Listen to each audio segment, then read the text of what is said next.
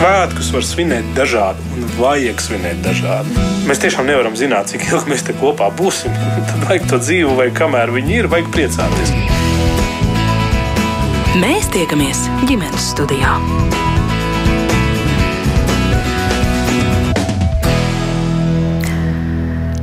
Labdien, priecājos sveicināt jūs visus raidījumu ģimenes studijas klausītājus. Mans vārds ir Agnes Linka un šī raidījuma producenta ir Sarmīta Kolāte. Nesen kā iznākusī filma Bārbija mudinājusi mūs uz sarunu par lellēm un rotaļāšanos un to, kāda tad nozīme ir tam, ar ko rotaļājas mūsu bērni, vai bērni, gan meitenes, gan varbūt arī puiši ar lellēm joprojām spēlējas, un kādu stāstu par sievietes lomu agrāk, un šodien mums stāsta par popkultūras ikonu dēvētā Lēla Bārbija. Par to sarunu šodien ģimenes studijā, un tajā piedalīsies Latvijas Universitātes komunikācijas studiju nodaļas eh, vadītāja asociētā profesora Marita Zītmane. Labdien! Labdien! Arī dzenārsta psihoterapeita Laura Valaina šodien kopā ar mums ģimenes studijā sveicināti. Labdien! Un attālināti mums pievienojas publiciste Agra Lieģa Dolēško. Sveika, Agra! Sveika! Arī jūs, klausītāji, kā vienmēr varat pievienoties šai sarunai ar saviem viedokļiem, komentāriem, kādiem varbūt jautājumiem vai pārdomām par tēmu. Ja tādas rodas, rakstiet mums ziņu Latvijas radio ģimenes studijai no mūsu mājaslapas. Bet vispirms es vaicāšu, tā kā mēs noskaidrojam, ka visas trīs šeit esat tomēr mammas, lai arī puiku mammas, tad kādu uzmanību jūs personīgi savā ģimenes ikdienā pievēršat tam, ar kādām rotaļlietām spēlējas jūsu bērni vai agrāk spēlējās? Kurš ir tas, vai kurš ir bijis tas, kurš ir pieņēmis tos lēmumus, kas un kādas būs mana bērna uh, rotaļlietas? Esat vispār par to uh, savā ikdienā domājušas? Laura? Īstenībā labs jautājums. Paldies. Tas tā organiski ir noticis tagad domājot. Um, varbūt tāds, ka mūsu pieeja mājās audzinot ir bijis, ka mēs tās arī šais, šīs sarunas kontekstā nedalām pēc dzimumiem. Viņš ir dažādi rotaļlietu klāsts, un tad jau ar laiku izkristalizēs, kas tam bērnam patīk labāk un kam viņš dod priekšroku. Tad interesanti šķiet, ka mums mājās ir viens plaukts pilns ar mīkstām rotaļlietām, kuras netiek izmantotas, bet viņām tur ir jābūt, jo, jo vēl jauneklis mājās nejūt, nejūtas gatavs šķirties. Bet aktuālās rotaļlietas ir citas, bet šķiet tas tā organiski vērojot bērnu. Mm -hmm. Nedalām pēc dzimumiem, vai tas nozīmē, ka jūsu dēlam ir bijusi arī kāda lēle vai lēles? Lēle mājās nav bijusi, bet ir diezgan daudz mīksto mantiņu, mm. kas, kur ir dzirdēti komentāri, kā tā puikam tik daudz, bet mēs to tā Tā tas mums vienkārši mājās ir. Jā. Marita? Jā, mums um, mantu periods jau ir diezgan pagātnē, un tagad skat, tā, reflektējot, uh, nu, man ir jāsaka, ka. Uh, Tad, kad bērns jau spēja pats kaut ko pieprasīt un norādīt, nu, nenoliedzami mārketinga ietekme, tagad tā skatoties um, un domājot, mārketinga un reklāmas ietekme uz to mantu izvēli ir bijusi diezgan, diezgan iespaidīga. Um, protams, nu, saprāta robežās, bet viņa paša izvēles, tad, kad vēl mantas interesēja, uh, tās diezgan diktēja tas, kas bija redzams uh, televīzijā, kas, kas bija tik intensīvi reklamēts, uh, LEGO un vispārējais.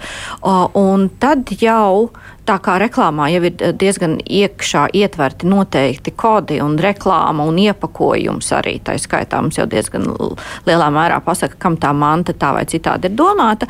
Nu, tad viņš, viņa izvēle, varbūt izņemot uh, pleido um, šo te, um, plastelīnu, plastelīnu bija samērā nu, tas, kas tiek marketēts kā puiku mantas. Nu, izņemot arī mīkstās mantiņas, kas, kas tika pirktas tā, tādas vairāk mīlestības izrādīšanai, bet, bet jā, mārketings un attiecībā attiecīgi jau mārketings jau pats virza un saka, nu, ka šis ir puikiem un tas ir, tas ir meitenēm. Tur tāda leļu izvēle pašam bērnam apzināti nekad nav bijusi. Mm. Agra, piekrītat? Padalīties ar uh, savu kā mammas praksi, filtrējat, cenzējat, vai vienkārši pērkat vēl Jā. to puika pietiekami maziņš, laikam jums, lai, lai, lai jūs nopirkt to, ko jums gribās viņam. Vai Jā, citādi? protams, tas, ir, tas droši vien ir mans pirmais komentārs, ka viņam ir vēl tikai divi ar pus gadi, bet uh, mans uzstādījums jau no pašiem sākumiem bija, ka mēs nedalām uh, rotaļlietas vai apģērbus vai ko citu izteikti pēc dzimumiem, dzimumu lomām, lai neiedvestu viņam šo sajūtu, ka kaut kas ir aizliegts un kaut kas ir atļauts, bet uh, tajā pašā laikā mēs vismaz uh, ar vīru esam centušies uh, ieviest vismaz uh, kaut kādā mērā minimalismu princips un vienkārši pirkt pēc iespējas maz, bet es, es, jā, es varu apgalvot, ka diezgan liela cīņa notiek ar to, kas mājās tiek ienes no ārpuses, dažādu dāvanu formā, un, protams, dāvanās izpaužās tas, ka lielai daļai sabiedrības, to starp vecākiem, ir visai izteikti šī uh, izpratne par dzimumu lomām, bet, ja tā kā runājam par to, ko mēs pērkam, vienīgais, ko es tā ļoti brīvu roku pērku, ir grāmatas, un es noteikti cenšos izvēlēties grāmatas no izdevniecībām un arī tāda tipa grāmatas, kas kā, paši par sevi jau neko neiedala pēc atļautā un aizliegtā un dzimumu lomām un to, kas piemērots puikām vai meitenēm. Bet jā, es arī varu piebilst, ka mums ļoti liela loma šobrīd spēlē mīkstās mantiņas un redzot, kā bērns ar kādu mīlestību pret viņām izturās, ir skaidrs, ka tur nekāda iedalīšana nav paredzēta. Protams, viņam ir arī uzdāvināti traktori un bumbas un tam līdzīgi. Bet, jā, es domāju, tas kaut kādā mērā ir saistīts izvēle arī ar to, cik daudz vispār mantas mēs gribam ielaist. Un, un mēs ļoti ceram, ka mēs paliksim pie kaut kāda absolūtā minimuma. Jā, tā mēs visi ceram, bet uh, Laura, es lasīju jūsu tādu viedokļa rakstu tieši par mīkstajām mantām. Šeit uh, jau sarunas sākumā vairāk kārtās mīļmantas, mīkstās mantas ir uh, pieminēts par to ietekmi uz bērnu attīstību. Vai jums ir uh, līdzīgi kaut kāds arī viedoklis vai pārdoms par tēmu tieši lēles, nerunājot varbūt par pavisam maziem mazuļiem, bet nu vecumposms jau virs divu gadu vecuma, vai arī uz lēlēm uh, un uz spēlēšanos ar lēlēm var attiecināt to pašu, ko jūs uh, rakstāt citējot nu, par spēlēm ar mīkstajām mantiņām, ka tas aktivizē dažādas smadzeņu daļas, kuras ir atbildīgas par sociālo miedarbību un empātiju, ka bērns var iejusties dažādās lomās, arī pie, piedēvēt lomas rotaļlietai, attīstīt fantāziju un tam līdzīgi. Vai te var likt vienādības zīmi? Jā, viennozīmīgi. Un, um, tad spēlēšanās ar lēlēm dod vēl papildus stimuls arī smadzenēm no tā, kāda smadzeņu apgabali aktivējās. Arī gatavojoties šai sarunai, pētot, kādi ir pētījumi arī no neirozinātņu viedokļa, tad eh, pētījumos, kas ir ar lēlēm, bērniem aktivizējās smadzeņu reģioni, kas atbildīgi par emocijām, par vēlmēm, par dažādām komunikatīvām prasmēm. Un šie, šie reģionu aktivācija ir ļoti līdzīga tam, kā tad, ja vairāki bērni spēlējas kopā. Tā kā spēlēšanās ar lēlēm no smadzeņu viedokļa mums bērnam iedod miedarbības pieredzi, tad iemāca empātiju, jo empātija ir prasme, ar to mēs uh, nepiedzimstam, mums vienkārši ir lielāka vai mazāka jutība to apgūt, tad apgūst empātiju, komunikācijas prasmes, iejūtību un uh, tāpat kas ir zināms, un tas jau ir zināms vēl pirms neirozinātņu pētījumiem, novērojošos pētījumos, ka mm, lelles vairāk aktivē tieši miedarbību un komunikāciju nekā cita veida rotaļlietas. Um, kam dēļ šeit noteikti mēs varam paņemt līdzību ar to, ka tās izstāsta līdzīgākas cilvēkam, um, aktiv, spēlējoties ar lellēm bērns identificējas ar savu vecāku, viņš būtībā uzņemās mammas vai tēta lomu, atkarīgs kā viņš šajā spēlē jūtas, un tas savukārt ļauj gan atdalīties no vecāka, tad, tad paņem tādu atbildību par sevi paša rokās, es varu parūpēties par leli, es varu parūpēties par sevi, tad attīst autonomiju un arī intimitāti, kas ir mūsu pamatspējas um, attiecību veidošanā tālāk dzīvē. Um, domājot par to, cik ilgi spēlēšanās ar lēlēm, mēs varam teikt, tas ir vai nav normāli, adaptīvi. Um, būtībā līdz pusa, agrīnam pusauģu vecumam spēlēšanās ar lēlēm mm, ir akceptējami. Ja tas turpinās ilgāk, 13, 14, 15 gados, tad ir jāvērtē no tā, kāda ir apstākļi, cik daudz, cik bieži. Eh, jo dabiski bērniem pusauģu vecumā būtu jāpāriet uz komunikāciju ar saviem vienaudžiem. Ko mēs šajā gadījumā šodien jau saprotam ar agrīnu pusauģu vecumu, kā jūs definētu? Jo tas arī drusku mainās. Še, šis mainās. Uh, Nu, tā būtībā jau no 9 gadiem mēs šobrīd varam runāt tradicionāli. Tie ir 11, 13, bet jau 9, 10 gadi mēs varam spriest par agrīnu pusauģu vecumu. Mm -hmm, jā. Aigars mums raksta, rotaļlietām ir jābūt vispusīgi attīstošām un piemērotām attīstības līmenim. Primitīva masveida fast food rotaļlietu plūdi ir degradējoša, nevis uh, audzina. Šeit varbūt drusku uzmanības mēs varam veltīt tam, kas tad ir tā attīstošā rotaļlieta vai lēle Boleh. Kāda lēle tāda varētu būt jūsu skatījumā, un cik lielā mērā tas attīstošās rotaļlietas jēdziens ir nu, tirgvedības uh, triks vai mārketinga paņēmiens? Jo mm. tas ir kaut kas, kas, mm. ko ir tirgot ļoti labi un izdevīgi. Man liekas, mūsdienās zem jēdziena attīstoša rotaļlieta daudz ko mēs varam. Jā, tā, tas nenoliedzami, un te es vēlos arī uzsvērt, ka, ja mēs tīri no mārketinga vēstures skatāmies un no reklāmas vēstures, nu, tad um, tādas. Um, to kā tirgu sāka uztvert um, aptuveni gadsimta mijā, 19. gadsimta beigās, 20. gadsimta sākumā, kad sāka saskatīt, nu, tad mainījās vispār koncepts par bērnību, ko es domāju, Laura varētu vairāk pastāstīt, uh, nu, ka, pievērs un saprat, ka bērnība ir noteikts posms, kurā mums ir jāieguldās un kurā ir, ir ar kur ir jāstrādā, un tur tas, ir, tas nav maz pieaugušais, tas ir bērns, un tā uztver citādāk un tā tālāk, un mārketings to ļoti ātri uzķēra.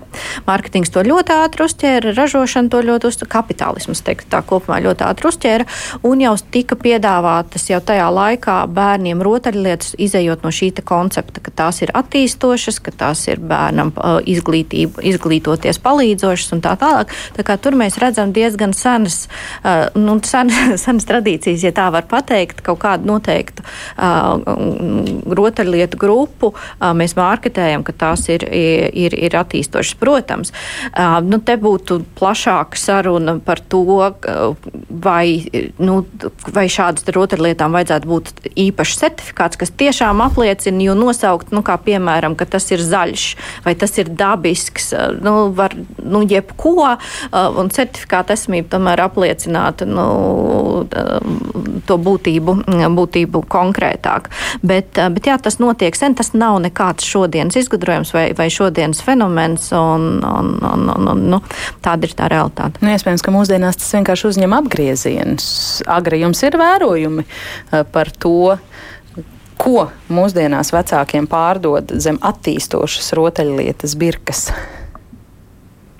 Vispār, jā, man liekas, ka tas, um, tas kas šobrīd notiek un, un, un kā ir mainījusies šī attieksme pret to, cik, cik mūs ārkārtīgi pamatīgi biedē ar, ar, ar to ietekmi, kāda mums ir bērnu dzīves sākumā un, un, un, un cik ļoti mums ir tajā jāieguldās gan laika ziņā, gan finansiāli, tas, tas tiešām ir noteikti pārsniedzis jebkādas veselīguma robežas un uh, par to visu apzinoties, kļūstot tomēr par vecāku, tu saproti, ka tas, tas ar, ar savu tādu intelektuālo izpratni nav gana, lai no tā izbēgtu. Un, un uh, kad uh, šis konteksts, ka, ka tas ir tavam bērnam, tas, tas uh, emocionāli tas tev ir pilnīgi citādāk nekā tad, kad tu veic, izdari kaut kādus lēmumus attiecībā pret to, kas tev ir patiešām vajadzīgs vai bez kā varētu iztikt. Un, protams, ka arī es, to, es ar to esmu saskārusies, pērko kaut kādas ļoti, nezinu, uh, dārgus priekšmetus, kuriem ir piesiets Montesori vārds vai kaut kas tam līdzīgs. Un, un, jā, es domāju, ka mēs visi tam izējām cauri un kaut kā cenšamies ar to sadzīvot. Un, protams, ka tas pamatīgi pār, pārkāpj arī pārī um, rotaļlietu izvēlei, un tas pat izpaužās, es domāju, dažādās nodarbībās un medicīnā un tam līdzīgi, kur, kur pārspīlēt ir ļoti, ļoti viegli. Laura, vai jūs liktu lelli zem attīstošās rotaļlietas um, virsraksta vai kategorijā? Standartā ar attīstošo rotaļlietu man šeit sabiedrībā mēs vairāk saprotam rotaļlietas, kas attīsta mm, psihosensorās, um, vairāk motori sensorās vai mūsu kustību spējas.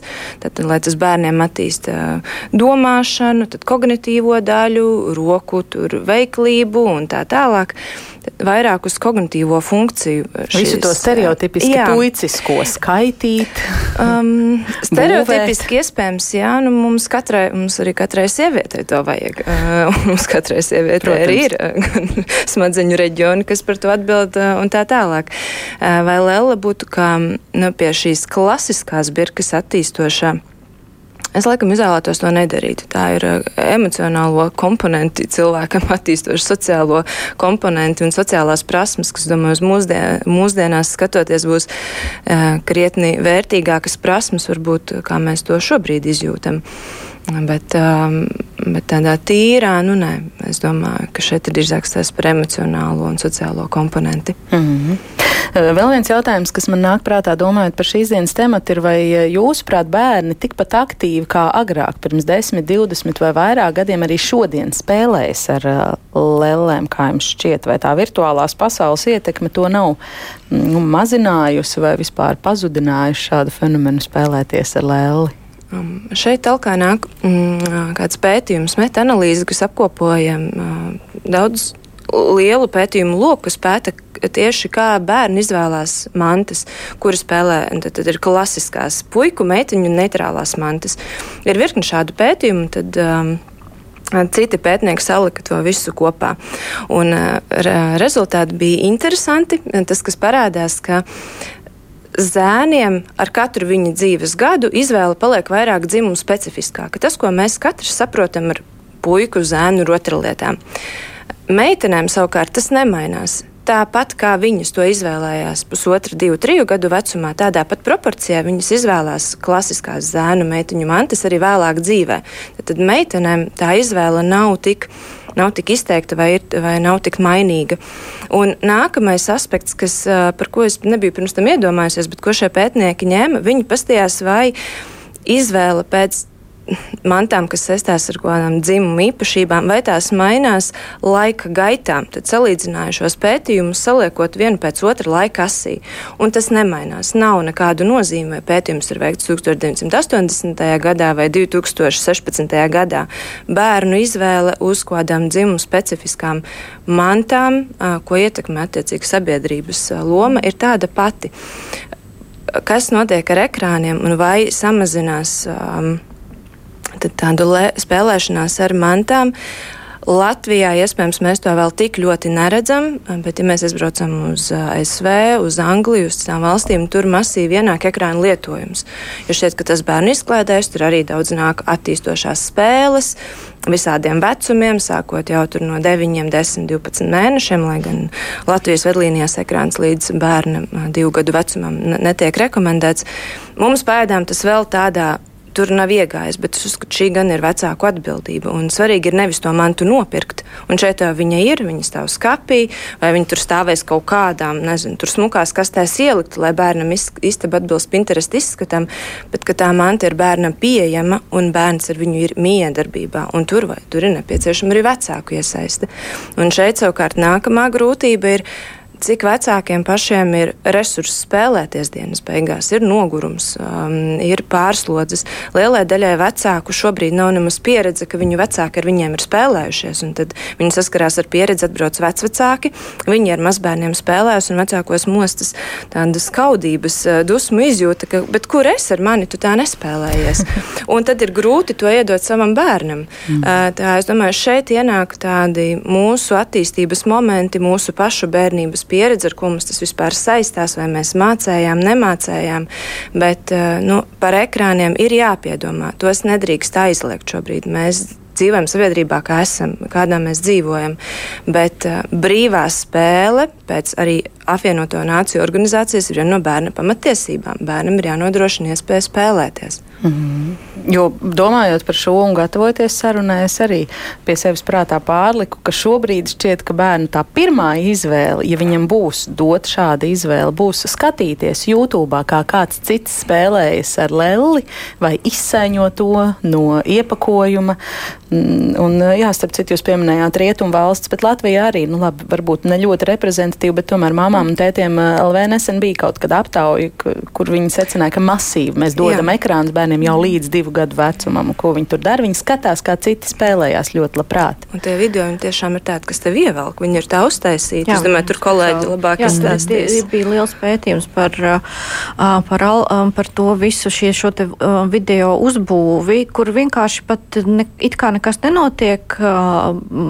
Vairāku stundu garumā bērns at, atpako kinderolas un skatās, kas tur ir vienu pēc otras. Un tur ir tā, tas, tur ir tas ritms. Mm.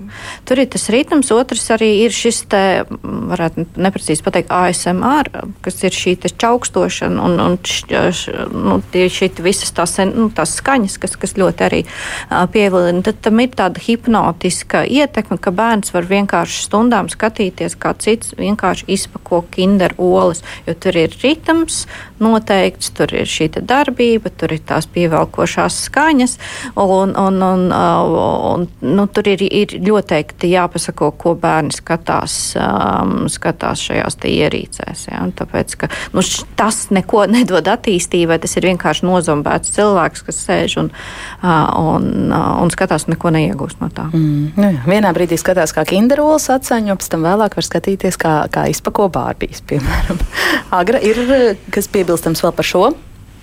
Kolēģi teikt? Jā, es domāju, ka, protams, ka var piekrist, ka mēs visi izvēlamies droši vien gribot, negribot to mazākās pretestības ceļu un, un kā vecāki, kuri arī vakarā ir noguruši, protams, visvienkāršākais ir visiem vienkārši sēdēt un kaut ko skatīties, nevis aktīvi iesaistīties cerībā, ka bērns jau būs pietiekami izglītots uh, izglītības iestādē, kuru nu, viņš tajā brīdī apmeklē.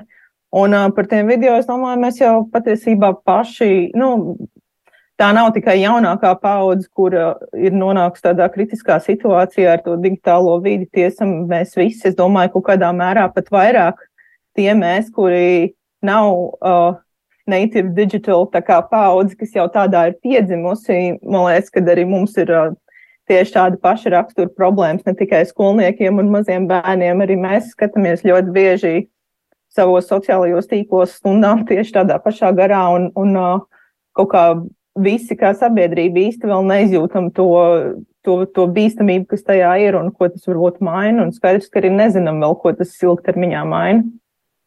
Jā, te varbūt vietā nedaudz izklaidēji izstāstīšu pavisam īsi, ka mūsu ģimenē ir folklorizējusies anekdote, anekdotes dzīves par to, kā uh, trīsgadniece, uh, viena no viņas pirmajām uh, bērnības atmiņām ir tā, ka mēs ar mammu spēlējāmies ar bārbijām, un mamma aizmiga un gulēja ar pavērtu muti atspiedusies pret bārbiju māju.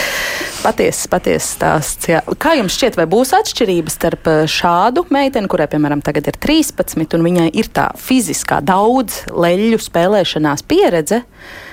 Ar šodienas trīsgadnieci, kurai būs liela daļa tās pieredzes tieši varbūt skatīties, kā citi spēlējās. Laura, tas jums jautājums. Jā, at, atšķirības noteikti būs. Nu, šis nāk arī manos iepriekš pieminētajos um, pētījumos, kas nāk no neirozinātnēm, kad pēta tieši, kuri smadzeņu reģioni aktivējās. Tā pati spēle ar lellēm viens ir skatīties, un otrs ir darboties. Kad mēs darbojamies, mums smadzenes Tad katrs mūsu stimuls ir pārstrādājis smadzenēs, tā strādā mūsu nervu sistēma. Un ja vairāk mūsu darbībā mēs ieliekam sensoro, taktīlo, kognitīvo, emocionālo sfēru, jo mūsu smadzenes, ja vienīgi tā nav pārstimulējoša vide, tas palīdz attīstīties un nobriest. Mm. Tā kā es domāju, viennozīmīgi tās atšķirības būs. Mm. Ģimenes studija arī saviem Instagram sociālā tīkla sekotājiem un sekotājām vaicāja, vai eh, jūsu bērni spēlējas ar lēlēm, vai jūsuprāt ir atšķirība, vai bērns spēlējas ar lēlēm vai ar kādu citu priekšmetu un pēc kādiem kritērijiem jūs izvēlaties rotaļlietas uh, saviem mm, bērniem un uh, drusku izstāstīšu, ko tad, mm, ko tad mūsu Instagram sekotāji mums atbildēja.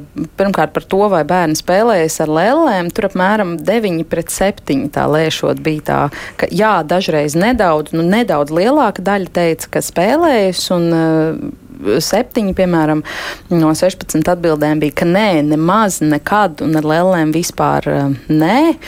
Par jautājumu, vai pēc kādiem kritērijiem jūs izvēlaties lēles vai, piemēram, pērkat bārbijas, tad 6 eh, pret 10 apmēram viedokļi bija 6, kas saka, ka nepērku nekad, un, un 10 bija tādi, kas saka, ka pērku, pieņemam atdotas, mantotas, dā, dāvināts tieši bārbija lēles. Mm, uz jautājumu, vai eh, jūsuprāt ir atšķirība, vai bērns spēlējas ar lēlēm, lēlēm vai ar kādu citu priekšmetu, tur apmēram pusi pret pusi dalījās tie viedokļi. Bija tādi, kas saka, ka grūti teikt bērns savā fantāzijā, taču arī akmeņus var padarīt par cilvēkiem un ka ar jebkuru priekšmetu, kaut vai koka zariņu var spēlēt ģimenī, piemēram, bet vairāk viedokļi bija arī tādi, jā, ka tieši lēle ir tā, kas bērnu māca izturēties pret cilvēku, runāties ar tos, samīļot, izķemmēt matus, ka ar lēlēm rotaļājoties tas bieži atspoguļo tā brīža emocijas un attiecības ar līdzcilvēkiem, tā skaitā pedagogiem. Un, um, nu jā, vēl man liekas, ka ļoti interesanti bija, vai jūsuprāt, spēlēšanās ar bārbijām var ietekmēt bērnu priekšstatu par sievietes tēlu, un arī šeit bija diametrāli pretēji viedokļi. Pārējot pie šīs sarunas daļas, tad citēšu dažus um, no tiem, um, piemēram, Kāda no atbildētājām raksta, ka jā, tas veidos izpratni, ka sievietei ir jābūt sievišķīgai un jārūpējas par sevi.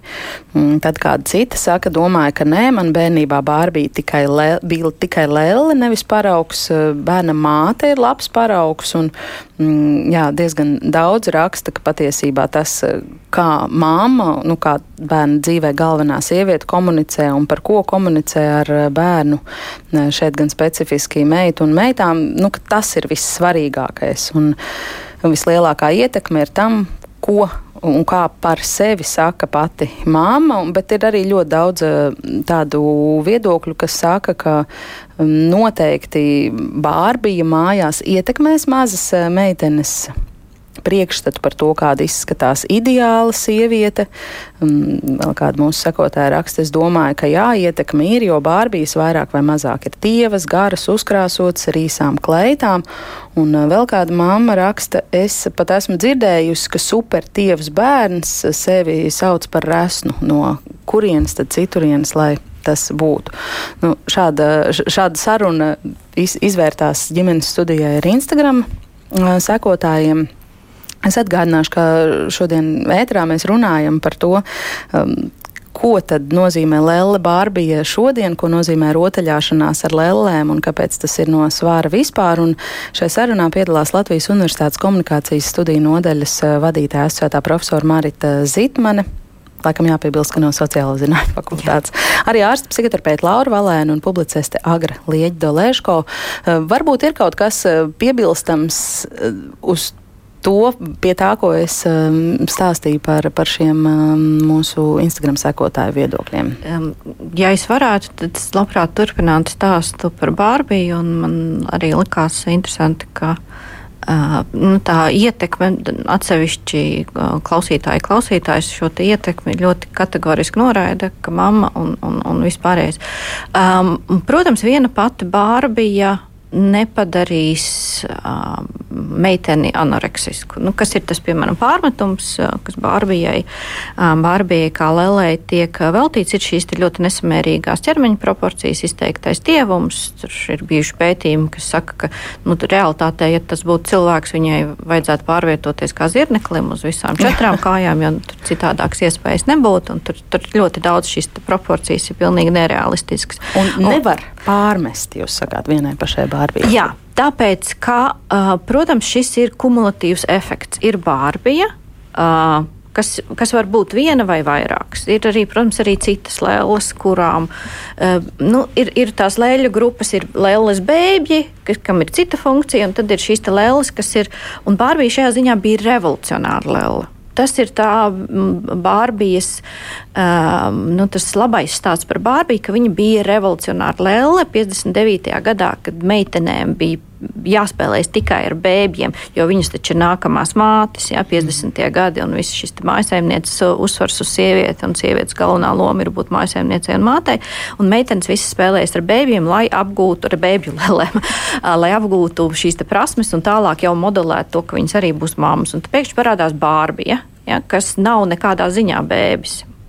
Un, un, un, un kas principā, nu, es arī negribu pārspīlēt, nu, tie, kas ir Barbijas fani, saka, ka tas ir bijis tāds ļoti um, pat feministisks tāds gājiens, kas ir palīdzējis uh, feministisku kustībai tālāk. Nu, tas varbūt man ir būtu pārspīlējums, bet kas parādīja sievieti, kas parādīja vispār, ka meit, kas ļāva meitenēm spēlēties ar meitenēm un, un šajās te lomu spēlēs izrisināt jau sieviešu problēmas. Un, un, piedzīvojums un aktivitātes, ka nav tikai šis bērns, ar ko spēlēties. Nu, lūk, um, atgriežoties uh, pie šī kumulatīvā efekta, tad, tad ir bēbļi, lēlas bēbļi, lēlas, kas ir meitenes, uh, lēlas jau šodien vairākas ir, ir, ir um, šī bārbija koncepts ir, ir, ir kopēts. Tad mums ir jāņem līdzi vēl, uh, jāņem klāt vēl arī tas, kas ir, kas ir piemēram filmas bērniem, tas, tās pašas Disneja princeses, kas arī ir tievas lielām acīm, milzīgiem matiem. Uh, arī citas, citas šīs Francijas, kur ir principā tas pats bārbijas ķermeņa proporcijas kopētas. Un, ir, un tad vēl ir sociālie tīkli ar influenceriem, kas arī ir tas, tas pats principā bārbija kopēta uz, uz, uz cilvēku veidolu. Tad, tad tas viss zināmā mērā, nu, tas, tas uzkrājas. Mamma ir lieliski Bet ne, mēs nevaram ignorēt to, kas ir šis sociālais spiediens un sociālā vide, jo bērns tomēr nu, liela socializācijas aģents šodien nenoliedzami ir mēdī, un tas ir um, šī sociālā vide, kas ir pat būtiskāk, lielāka ar lielāku uh, ietekmi um, nekā, nekā ģimene. Mm, un, un tā ir ideja, kas ir pausta arī filmas eh, sākumā, ka Bārbija ir bijusi ietekme uz to, ka meitenes visā pasaulē tagad varēs justies spēcīgas un lieliskas. Agra, vai jūs tam varat piekrist? Jā, man liekas, tas ir ļoti interesanti, ka tas skaidrs, ka tas ir tas uh, lielais konflikts, kas ir izveidojies ar, ap šo filmu, jo no vienas puses mēs redzam, ka ļoti talantīgā režisora Gerviga, kura līdz šim ir veidojuši patiešām arī uh, uh, veiksmīgas feministiskas filmas ir izvēlējusies to par tādu pamatu premisu, uh, izmantojot atsauci uz Kubrika kosmosa odiseju, tiek sašķaidītas šīs lēlas bēbī, simboliski paziņojot, ka no šī brīža jums sievietes nav vairs jātiec tikai uz vienīgo pieejamo mātes lomu, jums ir pieejams daudz kas vairāk, ko arī, uh, principā, ļoti viennozīmīgi paziņoja Bārbijas izveidotāja Ruta Andlere, nu, iedodot šo You can be anything um, moto. Tu vari Lēlē, būt jebkas, kura, jā. Tu vari būt jebkas, jā, un viņas varēja tiešām strādāt jebkurā profesijā, viņām bija sava nauda, viņai bija kredītkarte, kas, es gribu piebilst, notika 15 gadus pirms tas bija reāli fiziski iespējams Amerikā sievietēm. Un, uh, jā, un Kens nebija, nekļuva par viņas vīru, Viņš neievācās viņas mājā. Viņai bija sava māja, tas bija viņas privāta īpašums. Viņš nekļuva par viņas vīru un par viņas bērnu tēvu, un viņa saglabāja šo neatkarību. Tā kā mēs redzam no vienas puses, ka tas ir tas, tas, ir tas ko grib izcelt šī filma un šī režisora. Bet tajā pašā laikā jā, ir, ir gan šī nu, virspusē, man liekas, ļoti labi, labi redzamais konflikts ar to skaistumu mītu, uh, ko, ko noteikti Bārbija ir palīdzējusi popularizēt par to, kā arī aizskatās sievietē, bet man liekas, ka man personīgi visinteresantākais filmā bija tas, ka mēs, lai cik arī it kā atklāti tiek runāts par patriarchiju, uh, filmu sponsorē Mattel, kas ir uh, uzņēmums, kas ir šo leļu ražotājs, un nevienā brīdī mēs neizveidojam šo saikni starp patriarchiju un kapitālismu. Es domāju, Bārbija pati par sevi, lai kā viņa arī izskatītos, nevarētu ietekmēt miljonus un miljardus, ja tam apakšā nebūtu šis ārprātīgi spēcīgais pārdošanas motors, ko mēs ļoti labi varam redzēt arī šobrīd. Jo, piemēram, es esmu uzrakstījis recenziju, meklējot resursus internetā, un man ir absolūti pilns internets ar reklāmām. Es varu katru dienu apskatīties, kādi jauni Bārbijas produkti ir tapuši šajā pavisam īsajā laika posmā. Es domāju, uh, Matēl ražot filmu, lai arī cik labi režisori ir piesaistīti, nevar uh, izgaismot patieso situāciju par kapitālismu problemātiku. Es domāju, ka līdz mēs, kā, kamēr vien mēs neķersimies pie tā uh, un runāsim tikai par kaut kādu to Barbijas ārējo veidolu un kāpēc tas ir atstājis kaut kādu ietekmi, man liekas, mēs tā arī neatrisināsim šo problēmu, kas ir saistīts ar uh, tā skaistuma mīte un uh, prasībām pret sievietēm, un kā tas ir saistīts ar to, kāpēc, kas ir tās ieinteresētās puses, kāpēc tam nevajadzētu beigties, kurš no tā iegūst un kurš no tā nopelna. Man liekas, tas ir ļoti būtisks jautājums. Nu, kurš nopelna, tas jau šķiet skaidri atbildams eh, jautājums, jā, bet nolaižoties vēl tomēr līdz tādam individa, ģimenes, vecāku līmenim, kā jūs teiktu, nu, kas tad ir tas, par ko mēs īsti varam pateikties Bārbijai un lietojot vārdu pateikties gan pēdiņās, gan bez tām? Laura, jums arī varbūt ir par šo sakāms kas.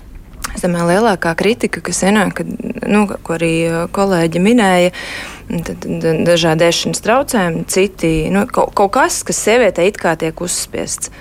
Un šeit es gribētu nodalīt to, ka kaut kas tiek uzspiests, izdomājam mēs pieaugušie.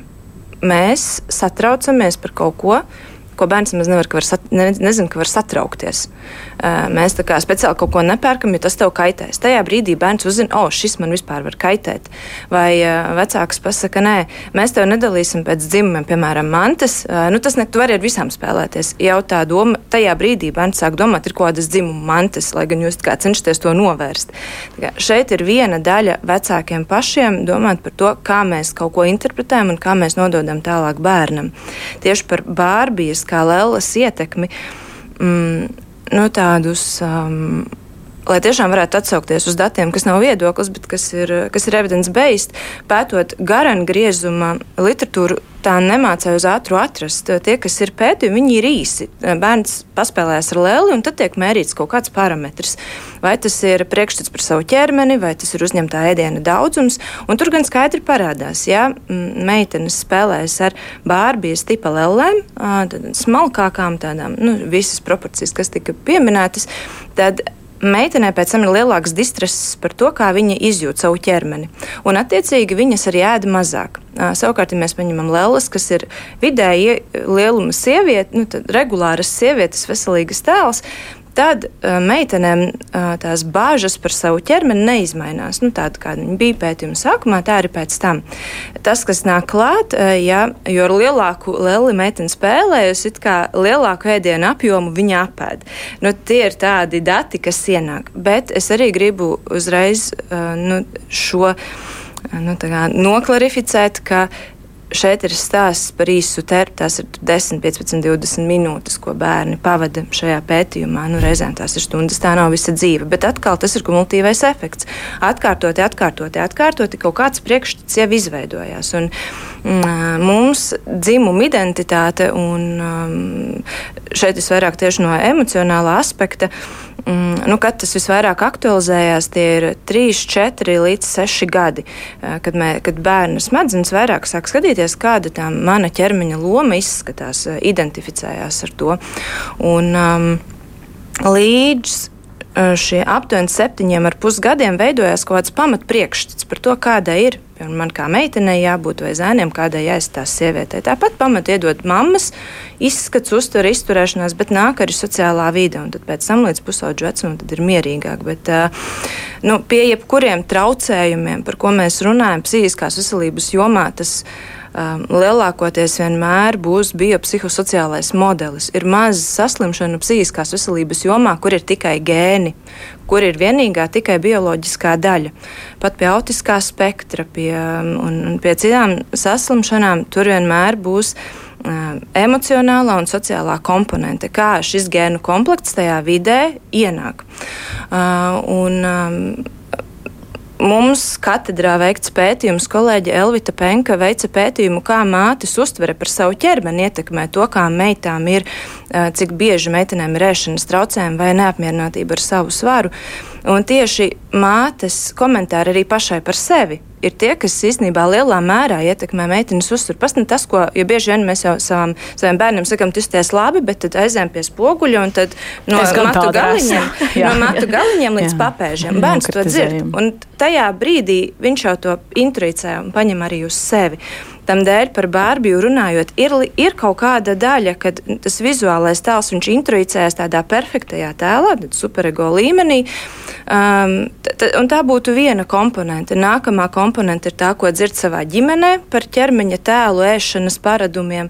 Un, un tad, tad nāk vēl klāt, un tas viss vienkārši saliekās kopā. Tikai uz bārbiju novelt, nu, es domāju, tas būtu tā, tā nekorekti. Tas vienkārši iezīmē kaut kādu vienu papildus līniju, kas savu ietekmi lielākā, mazākā mērā dod. Mm. Un rezumējot, piedodiet, par kā būtu, ja būtu tipa jautājumi, ja jums tagad būtu nevis piecgadīgs puika, bet šajā vecumā meita jūs mājās ielaistu bārbiju? Es domāju, ka ielaistu, jā.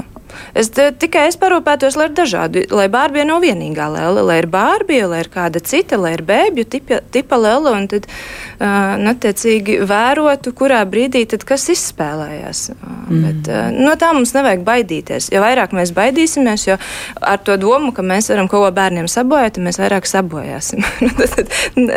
jo autentiskākas mēs būsim kā mammas un vecāki, jo, uh, un vērosim vienkārši bērna reakcijas, tad mēs arī sajutīsim un neveltim evolūciju teorija jau mūsos dzīvo, un mēs jau sajūtam savu bērnu. Mm. Marita par to pateicību un pateicību bārbijām. Uh, hmm. Nu, ar Bārbiju, kā jūs saprotat, ir tāds visnotaļ konfliktējošs tēls. Ja? No vienas puses ir bijis tas, ko Bārbijai mēs varam pateikties par, par to, ka ir, ir, ir, ir šī, te, ka tu vari būt kas vien vēlies, un tiešām ir gan prezidente, gan, gan astronaute, gan, gan vispārējais. No otras puses, arī gatavojoties šim te raidījumam, domājot par šo te konfliktējošo tēlu, mana atmiņā attausa Simpsonu arī viena popkultūras ikona sērija, kur Lisa ir iegādājusies šo jauno Bārbiju, kas ir prezidente. Tā ir ģimenes meitiņa. Jā, jā ģimenes jā. meitiņa. Jā, iegādājusies. Viņa tur, protams, tur netiek saukt par Bārbiju, bet nu, iegādājusies šo tikānisko leli. Tagad viņi izspēlē šo kaut kādu inaugurācijas ceremoniju vai kaut ko tam līdzīgu. Ļoti svarīgi. À, tā bija pirmā runājošā Bārbija, kur viņai varēja pavilkt. Viņa kaut ko tur pateica. Jā, un viņa Lisai pašai viņai tā ir prezidenta, un viņa izspēlē šo, te, šo te situāciju. Viņa pavalk šo te aukliņu un tagad gaida, ko nu, tā Bārbija pateiks.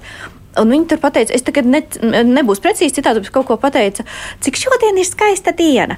Nu, kaut kādas tādas absolūtās, nu, superfeminizētās, sievišķīgās, hiperbolizētās banalitātes. Nu, tad, tad te parādās tas konflikts, jā, ka tu vari būt viss, kas tu vēlies, kamēr tu esi jauka, maiga, skaista, pūkaina, sievišķīga, naiva, perfekta un uh, nenoliedzam, ko arī Agra, Agri jau pieminēja, ir, kas Bārbija arī tiek, um, tiek pārmests, ir šī te patērnieciskuma un patēriņa kultūras um, iemācīšana jau bērnībā. Ja, ka jau ir Bārbija, un tad var vēl piepirkt māju klāt un tā tālāk, un tad viss būs perfekti un skaisti, un, un principā, nu, tad tā. Um, uzsvērt par to, ka sievietei pirmkārt ir jābūt skaistai vienalga, kas tu esi, jābūt perfektai vienalga, kas tu esi, un labās lietas, un skaistās lietas, un perfektās lietas um, nodrošinās vēl tālāku laimi un sasniegumus. Mm -hmm. Nu, jā, nu, nu, nu, ir ļoti, ļoti duāli. Vai es uh, protestētu pret Bārbiju? Visticamāk, um, ka nē, bet nu, pievienojas arī kolēģis teiktajai, nu, visam ir, ir, ir jābūt, um, jābūt balansā. Bet es domāju, ka šodien, manuprāt, arī tā filma ir tapusi tāpēc, ka, nu, ka Matelam ar šiem pārdošanas rādītājiem ir nedaudz sliktāk, un tad, tad, tas, nu, tas ir, nu, pat labāk šī filma tiek vērtēta laikam kā, vis, nu, kā viena no dārgākajām, protams, arī viena no efektīvākajām, masveidīgākajām tieši mārketinga kampaņām.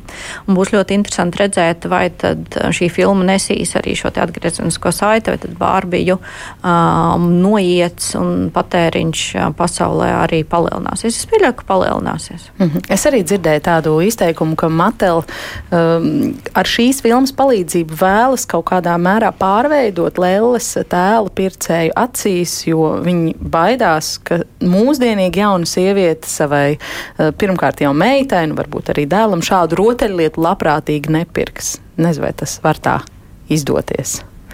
Es domāju, ka tas jau ir izdevies, jo viņi ir palaiduši jocīgo bārbiju, kas ir tāda visvairāk it, it kā izkrītošā no konteksta līdz šim, un, un, un ir kļuvusi jau par uh, ikonisku tēlu no, no šīs filmas, un arī ir iegājusi pārdošanā. Tā kā es domāju, viņiem ir izdevies viss, ko viņi ir vēlējušies.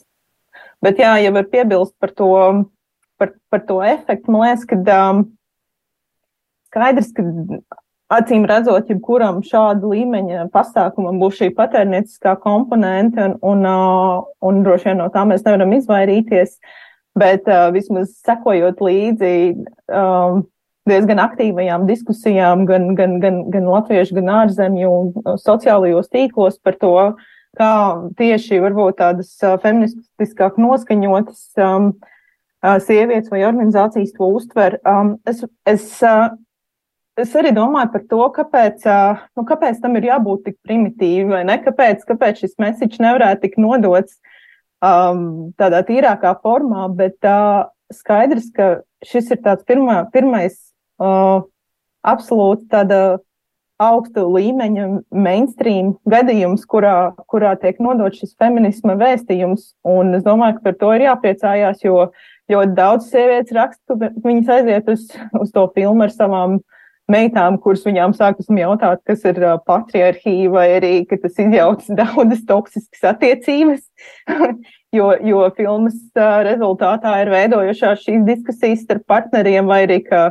vīrieši pirmo reizi ierauga, kā izskatās tas, kā parasti izturās pret sievietēm, vērojot to, kā, kā izturās pret kaniem. Un es domāju, ka es droši vien esmu pateicīga par to, ka tas notiek šādā, kā to nosauc, tā kā to parasti sauc par 101, pir, pirmais lekcija kurs pirmajā gadā līmenī, jo skaidrs, ka tas ir tas, kur ir jāsāk sabiedrībā, kas nav vēl spējīgi pieņemt kaut kādas feminismu pamatnostādes lielā mērogā. Tā kā droši vien tur var izvērtēt arī kaut kādus pozitīvos aspektus. Tad, kad mēs ģimenē runājām, kurš vai mamma un tētis vai mamma un eh, pusaudze ies uz filmu Bārbija, tad eh, meita tēvam uzšņāts, bet tas ir par sieviešu tiesībām. jo viņa bija likts klausīties arī kultūras rondo sižeta kolēģis, starp citu, Māra Rozenberga. Interesanti stāst arī eh, par vēstījumiem. Visbeidzot, jā, tad noslēdzot varbūt sarunu par vēstījumiem mm, un, un uz eh, agras satorijas, lai nedaudz arī atsaucoties, es gribu vaicāt, vai jūsuprāt, Bārbija šodien kā lēle un kā rotaļlieta var būt palīdzoša skaidrot uh, feminismu, nu, vai nu piecgadniecē vai sākuma skolniecē vai varbūt uh, pusaudzē vai pusaudzim? Tikai kontekstuāli tikai kontekstā, tikai klāt ar, ne, ar, um, ar vienu pati lelle. Droši vien nē, um, ja viņai ir kaut kāds pavadošais vai nu stāsts, vai nu vecāka, vai, vai tās spēļu kaut kādas pasaules, kurā tiek izspēlēti dažādi modeļi.